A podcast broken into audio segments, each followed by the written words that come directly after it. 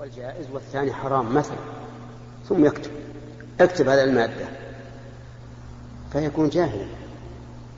لكن إذا قمنا عليه الحجة وقلنا هذا غلط وهذا خطأ وتحريف من هذا العالم الذي غرك ثم أصر على ما هو عليه حينئذ يحكم بكفر ولا ولا نبالي. فالحاصل أن أن العلماء رحمهم الله قسموا هذا التقسيم من أجل موافقة القواعد الفقهية من أجل موافقة هذه النصوص المطلقة للقواعد الشرعية المعلومة. نعم. بسم الله الرحمن الرحيم. فضيلة الشيخ تعلمون حفظكم الله أن كثيرا من الأعضاء أعضاء هيئة الأمر بالمعروف والنهي عن المنكر يواجهون اختلاءات. ومن ضمن هذه الاختلاءات فضيلة الشيخ آه النساء التي التي يواجهونهن. يكن بلباس غير ساتر ويكن متبرجات مفتنات. فما هي نصيحتكم لهؤلاء الأعضاء الذين يواجهون مثل هذه المشاكل والذين يتأخرون أحيانا بل وربما غالبا عن أداء الصلوات في المساجد؟ الإختلاء ماذا تريد به؟ سواء كان اختلاء في منزل يعني أو كان الخلوة خلوة الرجل بالمرأة نعم. إيه. على كل حال أنا في فيما أظن أن هناك آه، توجيهات من الرئاسة العامة في حول هذا الموضوع. فأرى أن العضو يتمشى على هذه التعليمات والتوجيهات وإذا رأى أن منها شيئا غير مناسب فالواجب أن يكتب عنه ويبين أنه غير مناسب وأنه ربما تكون هذه التعليمات في زمن مضى عليه عشرون سنة أو أكثر. نعم. والأمور اختلفت لا شك. يعني ليس حال النساء اليوم كحال النساء قبل خمس سنوات. فضلا عن عشرين سنة أو أكثر. فالذي أرى أنه يجب على العضو أن يتبع ما جاء به النظام أو التوجيه وما رأى أنه غير مناسب فإن عليه أن يكتب عنه.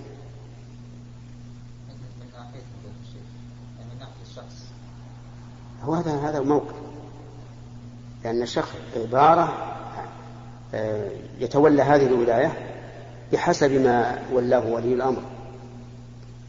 والعلماء رحمهم الله قالوا إن الذي يتولى أمر من أمور الدولة لا يملك أكثر مما وكل إليه. حتى ذكروا في القضاء أن, أن القاضي لا يقضي إلا فيما وجه إليه فقط. فيقولون إما أن يولى عموم النظر في عموم العمل أو عموم النظر في خصوص العمل أو خصوص النظر في عموم العمل أو خصوص النظر في عموم في خصوص العمل. بمعنى أن الإنسان قد يولى الحكم في الأنكحة فقط. هذا القاضي الذي ولي الحكم في الأنكحة لا يمكن أن يقضي بين اثنين في مسائل البيوع. لأنه يتوقف على تصرفه على حسب ما وكل إليه والحمد لله الإنسان ما دام ما دام أن هذا شيئا قد وجه إليه فهو فذمته بريئة. لكن لا مانع من أن يتكلم مثلا إذا رأى قرينة قوية تدل على أن هذا الرجل مع هذه المرأة ليسوا على حال مرضية آه، أن يتكلم معهما بهدوء. إذا لم يحصل مفسدة أكبر لأن بعض الإخوة يكون عنده غيره واندفاع بمجرد ما يرى رجلا معه امرأة يوقف السيارة ويتكلم ويقول ليش وما أشبه ذلك. وهذا غير مناسب. أما الصلاة فلا بأس أن يتأخر أعضاء الأعضاء من أجل إقامة الناس الصلاة ولو فاتتهم الصلاة. يصلون جماعة. وربما يدل لذلك قول الرسول عليه الصلاة والسلام لقد هممت أن آمر بالصلاة فتقام ثم آمر رجلا فيؤم الناس ثم أنطلق معي برجال معهم حزم حطب إلى قوم لا يشهدون الصلاة فأحرق عليهم بيوتهم.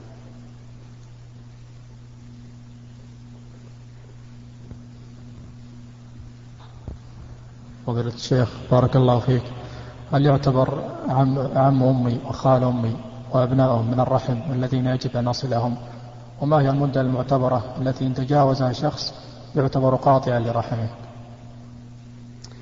آه، أنت تعرف آه، أن الصلة في القرآن والسنة مطلقة. أليس كذلك؟ فالله عز وجل يقول والذين يصلون ما أمر الله بأن يوصل. ويقول فهل عسيتم إن توليتم أن تفسدوا في الأرض وتقطعوا أرحامكم؟ والنبي صلى الله عليه وسلم في أحاديث متعددة ذكر صلة الرحم ولم يقيدها بشيء معين فهي إذن ترجع إلى العرف.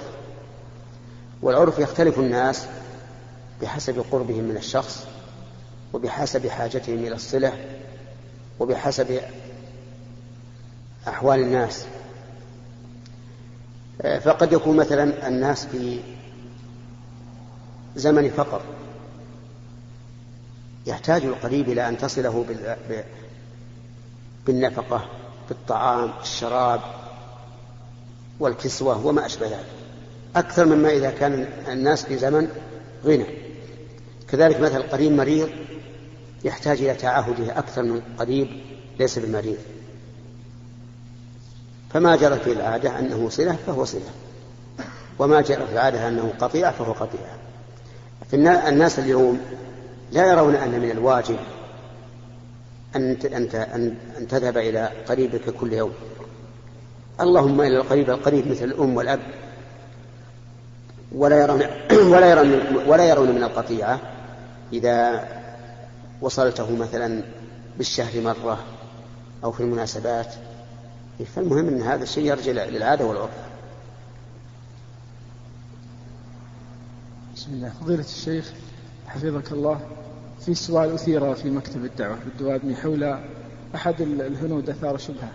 يقول هل الموتى يسمعون؟ وإذا كانوا يسمعون هل هو يعني يكون سماعهم في مكان مخصوص في مواضع مخصوصة مثلا؟ أم سماع عام؟ إن, إن النبي صلى الله عليه وسلم أخبر أن الميت إذا دفن وأتاه الملكان قال إنه ليسمع قرع نعالهم يعني المنصرفين عنه. وهذا سماع حال الدفن.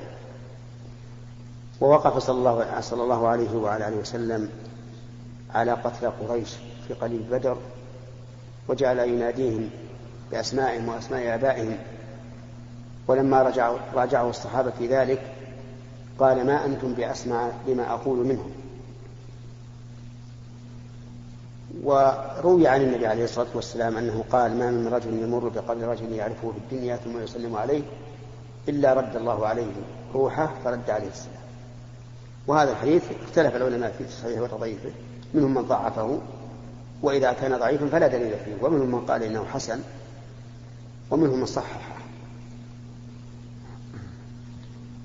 فنقول ما جاءت به السنة نعتقد وما لم تجد به السنة نقول الله أعلم. نعم. شيخ أحسن الله إليك. لكن على فرض أنهم يسمعون فإنهم لا ينفعون غيرهم. يعني بمعنى أنهم لا يدعون الله له ولا يستغفرون الله له ولا يسمعون الشفاعة له. وإنما قلت ذلك لئلا يتعلق هؤلاء القبوريون بما قلت. ويقول ما داموا يسمعون إذا هذا من أولياء الله نسأله أن أن يسأل الله لنا أو أن يشفع لنا عند الله. فهذا غير وارد أصلا. لأن الإنسان إذا مات انقطع عمله. حتى النبي عليه الصلاة والسلام إذا مات انقطع عمله. لكن الرسول عليه الصلاة والسلام خلف لأمته العلم العظيم الذي يعمل به كل أحد ومن الأمة المجيبة للدعوة. وقد قال عليه الصلاة والسلام إلا من ثلاث صدقة جارية أو علم ينتفع به أو ولد صالح يدعو له ولا أحد ورث للخلق علما ينتفع ينتفعون به آه، أكثر مما ورثه النبي صلى الله عليه وسلم لأمته. نعم. شخص أدى فريضة المناسك. إيش؟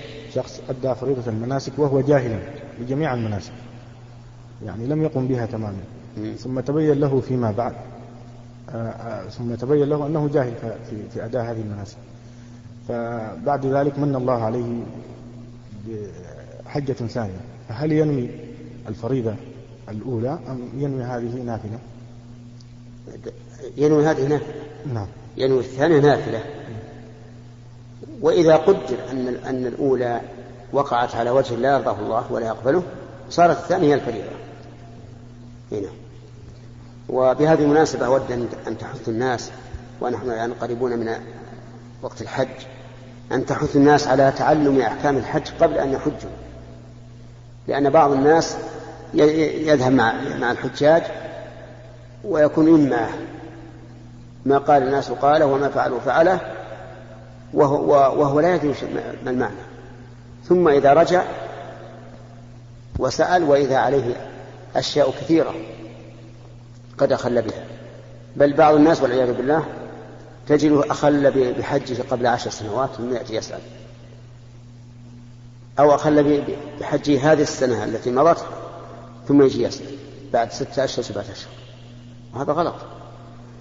فالمهم أن أنكم تحثون أنتم الناس على أن يتعلموا أحكام الحج قبل أن يحج. نعم. السلام ورحمة الله نعم. شيخ حياكم الله. ما حكم تصوير كاميرا الفيديو. الذي أرى أنه لا بأس بها إلا أن أن الانشغال بها مضيعة للوقت ما لم يكن هناك مصلحة. وفي بعض الأحيان يكون التصوير بذلك حراما كالذين يصورون حفلات الزواج مثلا. يصورون النساء أو المرأة مع زوجها أول ملاقاة فهذا حرام.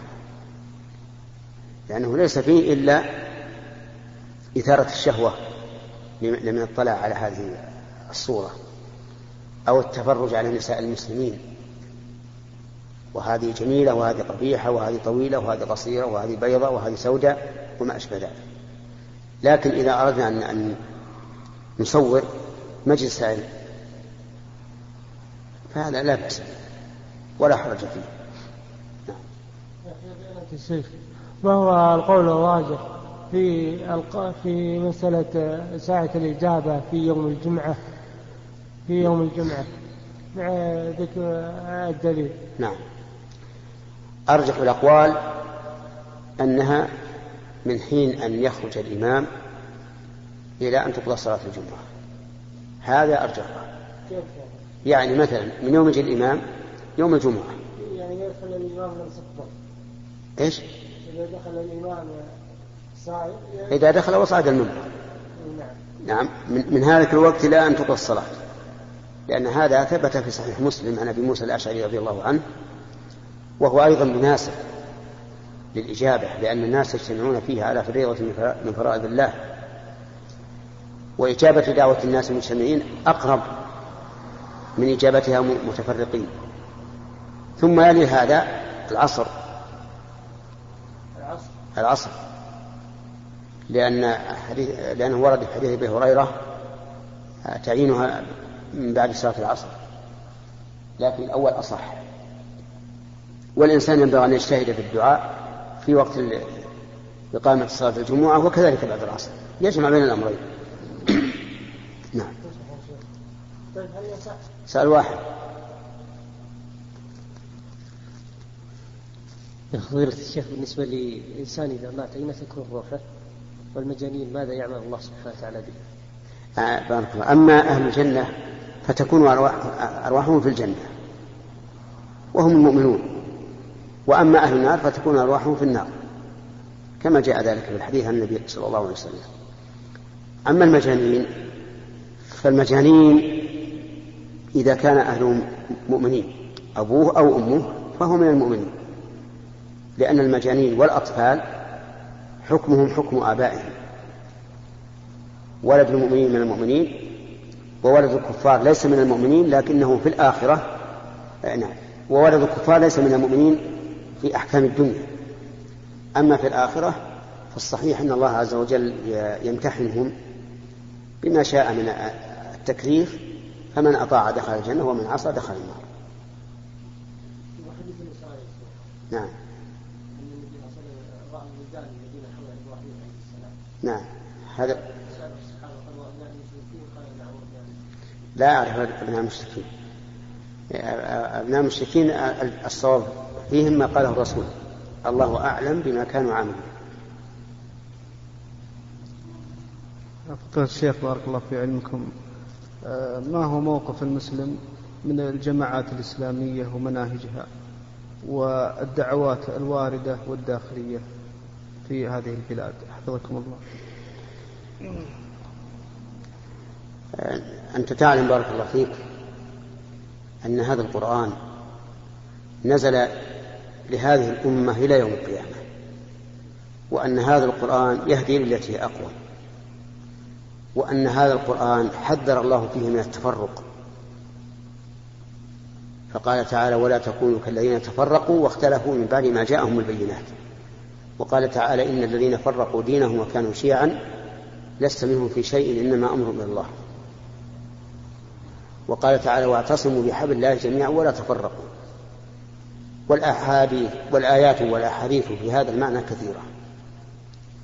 فالتف... فالجماعات التي تؤدي إلى تفرق الكلمة واختلاف القلوب جماعة باطلة.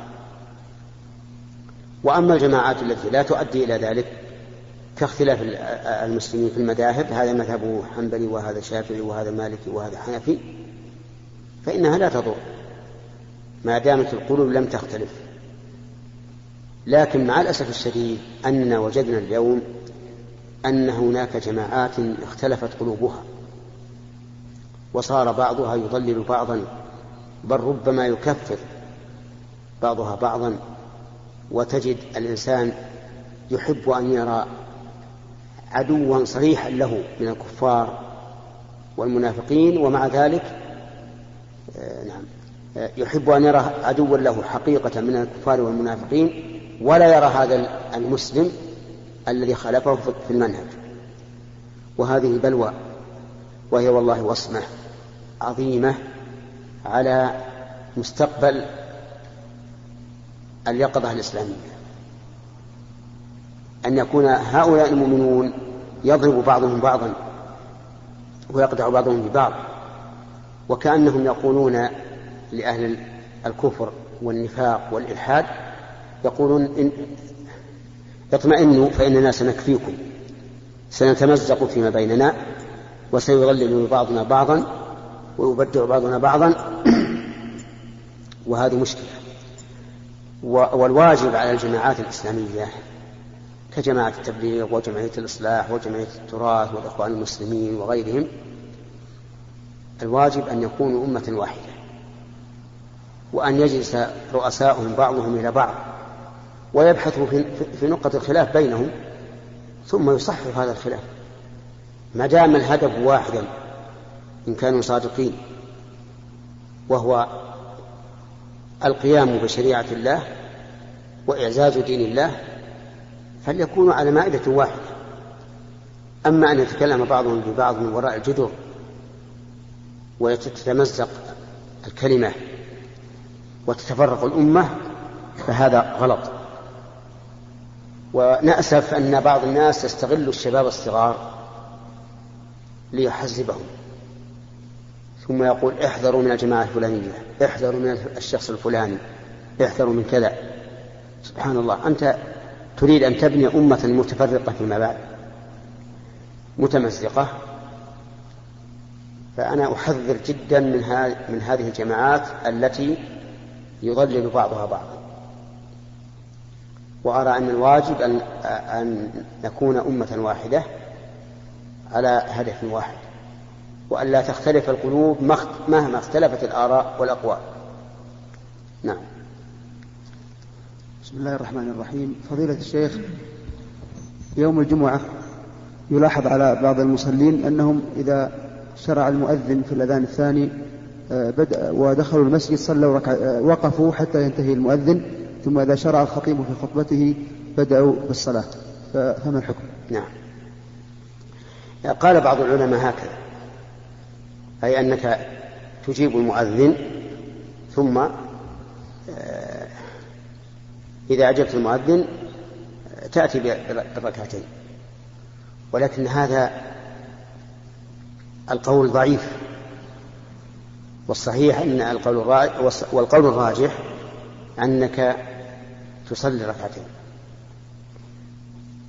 آه، لوجهين الوجه الأول المبادرة بصلاة ركعتين بعد أن تبقى واقفا ثم تأتي بهما نقول بادر. والثاني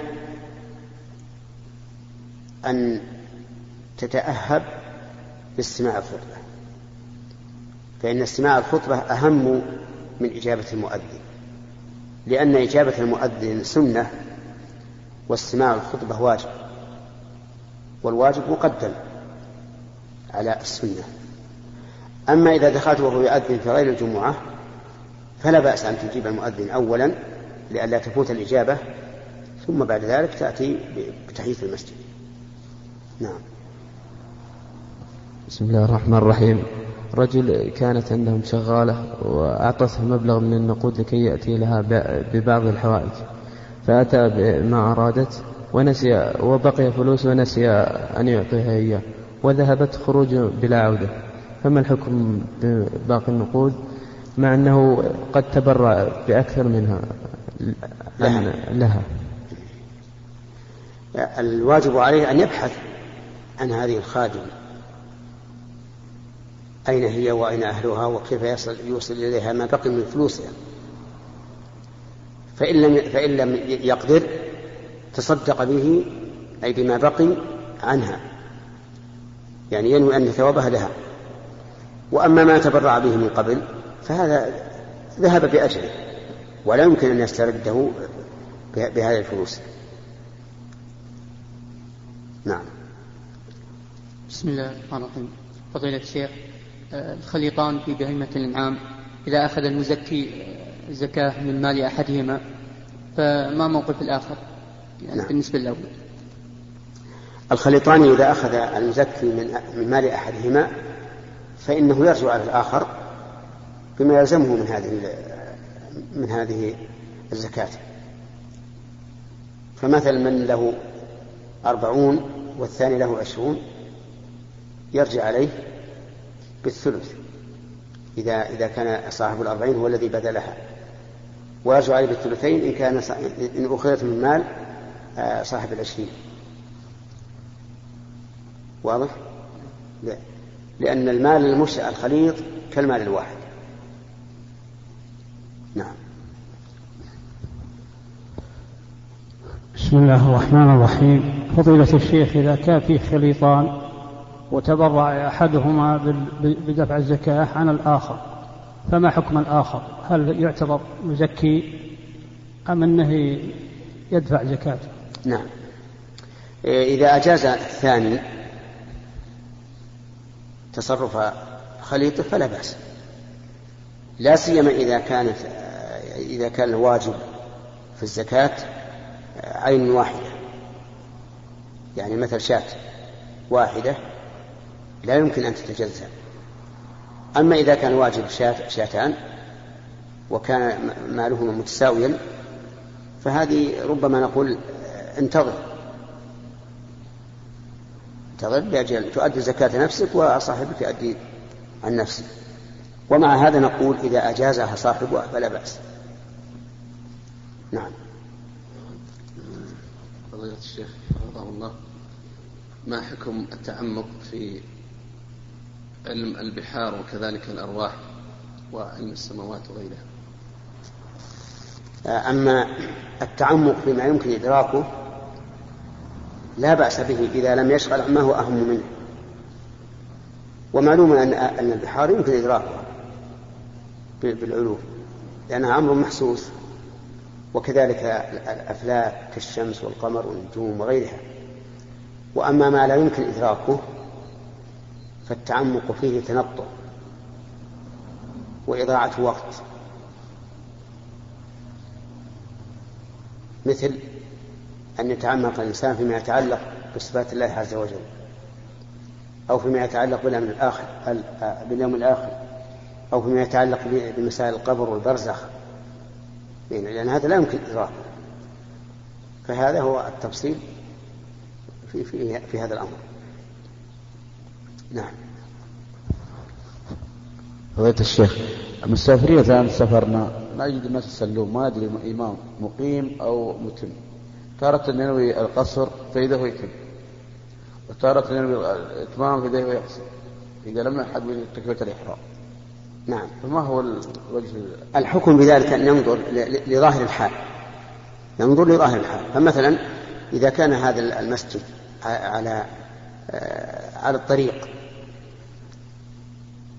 فالغالب أن الذين يصلون فيه مسافرون فينوي القصر وأما إذا كان المسجد في البلد فالغالب أن الذين يصلون مقيمون فينوي الإتمام طيب يا شيخ لو لو نويت القصر ثم تم ما يضر أتم معه ولو صليت حتى الأخيرة من العصر؟ ها؟ الركعتين الأخيرة صليت معه ما أدري هو ما أدري تم ولا قاصر أما قلنا انظر للظاهر. ما هو الظاهر من هذا الإنسان؟ مش هو المسجد إذا كان مسجد على الطرق أو في المحطات محطة البنزين. فهذا الظاهر أن الذين يصلون مسافرون فتنوي القصر. فإذا تبين فإذا أتم فأتم. يعني مثلا لو دخلت معهم في الركعة الثانية. وبنيت على أنه مسافر وأنه يقصر. ثم أتم. فإنك تتم إذا سلم تأتي بركعة. جزاكم الله خير. نعم. ما حكم من آه، يعلق القرآن في ال- الآيات في ال- في البيت؟ هل هي التولة تسمى بالتولة؟ توعية؟ التولة التولة. أما تعليق الآيات في البيت فإن قصد بذلك التبرك فهو بدعة. وكذلك إن قصد التعبد لله فهو بدعة. وإن قصد التنبيه فلا وجه له. وذلك لأن ال- ال- الذين يجلسون في هذا المجلس ربما ينتبهوا وربما وربما يكون مكتوب وربما يكون المكتوب فوق رؤوسهم قوله تعالى ولا يغتب بعضكم بعضا ومجلسهم كله وكله غيبة. وهذا إهانة للقرآن الكريم وربما يقال إنه إنه من باب اتخاذ آيات الله هزوا. ثم إن السلف وهم أشد منا حرصا على آه، التنبيه والتذكير لم يكونوا يفعلون هذا. ثم إن المسألة الآن تطورت. فصاروا يكتبون هذه اللوحات وهذه الأوراق بكتابات كأنها نقوش وكأنها زخارف. حتى ربما يكتبون الآية يعملون له ما يشاء من محاريب على صورة محراب. يكتبون النون والقلم وما يسطرون على صورة قلم. وربما سخن على الجبال يسبحن والطير يكتبها على صورة طير. الجبال يكتبها على صورة جبل. الرمان. يكتبها على صورة شجرة رمان كل هذا غلط. وقد اختلف العلماء. هل يجوز أن يكتب القرآن بغير رسم بغير الرسم العثماني؟ فكيف إذا كتب على هذه الأشكال والزخارف؟ ولهذا أنا أنهى عنها. وأقول لا تضع في مجلسك الخاص أو العام آيات آيات معلقة. الآيات الحمد لله موجودة في المصحف.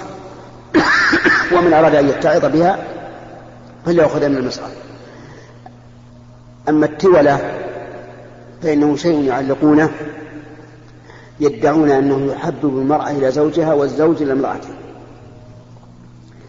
ويشبه ذلك ما يسمونه عندنا بالدبلة. فإن بعضهم يكتب اسم امرأته في الخاتم الذي يلبسه وتكتب هي اسم الزوج في الخاتم الذي تلبسه في الخاتم الذي تلبسه. ويدعون أن هذا رابطة حتى أن بعضهم إذا قيل له إذا كان عليه دبلة من ذهب وقيل له دعها اخلعها قال الست تزعل. يعني الست يعني بالست الزوجة. وكانها تتشاءم لو أنه خلعها لأنه يفارقها. فالحاصل أن التولة هي هذا الشيء الذي يزعمون أنه يحبب المرأة إلى زوجها والزوج إلى امرأته وقد جاء في الحديث أنها من الشرك. فعلى الإنسان أن يتجنب مثل هذه الأمور وأن يخلص لله عز وجل في توكله وعبادته. وإلى هنا ينتهي هذا المجلس لأنه ينتهي بأذان الظهر. أعادنا الله وإياكم لأمثاله على خير. ولكنني أخبركم بأن الخميس القادم ليس فيه لقاء هنا. لأن يمكن يحصل لنا سفر وإلى اللقاء في الخميس الذي بعده إن شاء الله. والحمد لله رب العالمين وصلى الله وسلم على نبينا محمد وعلى آله وأصحابه أجمعين.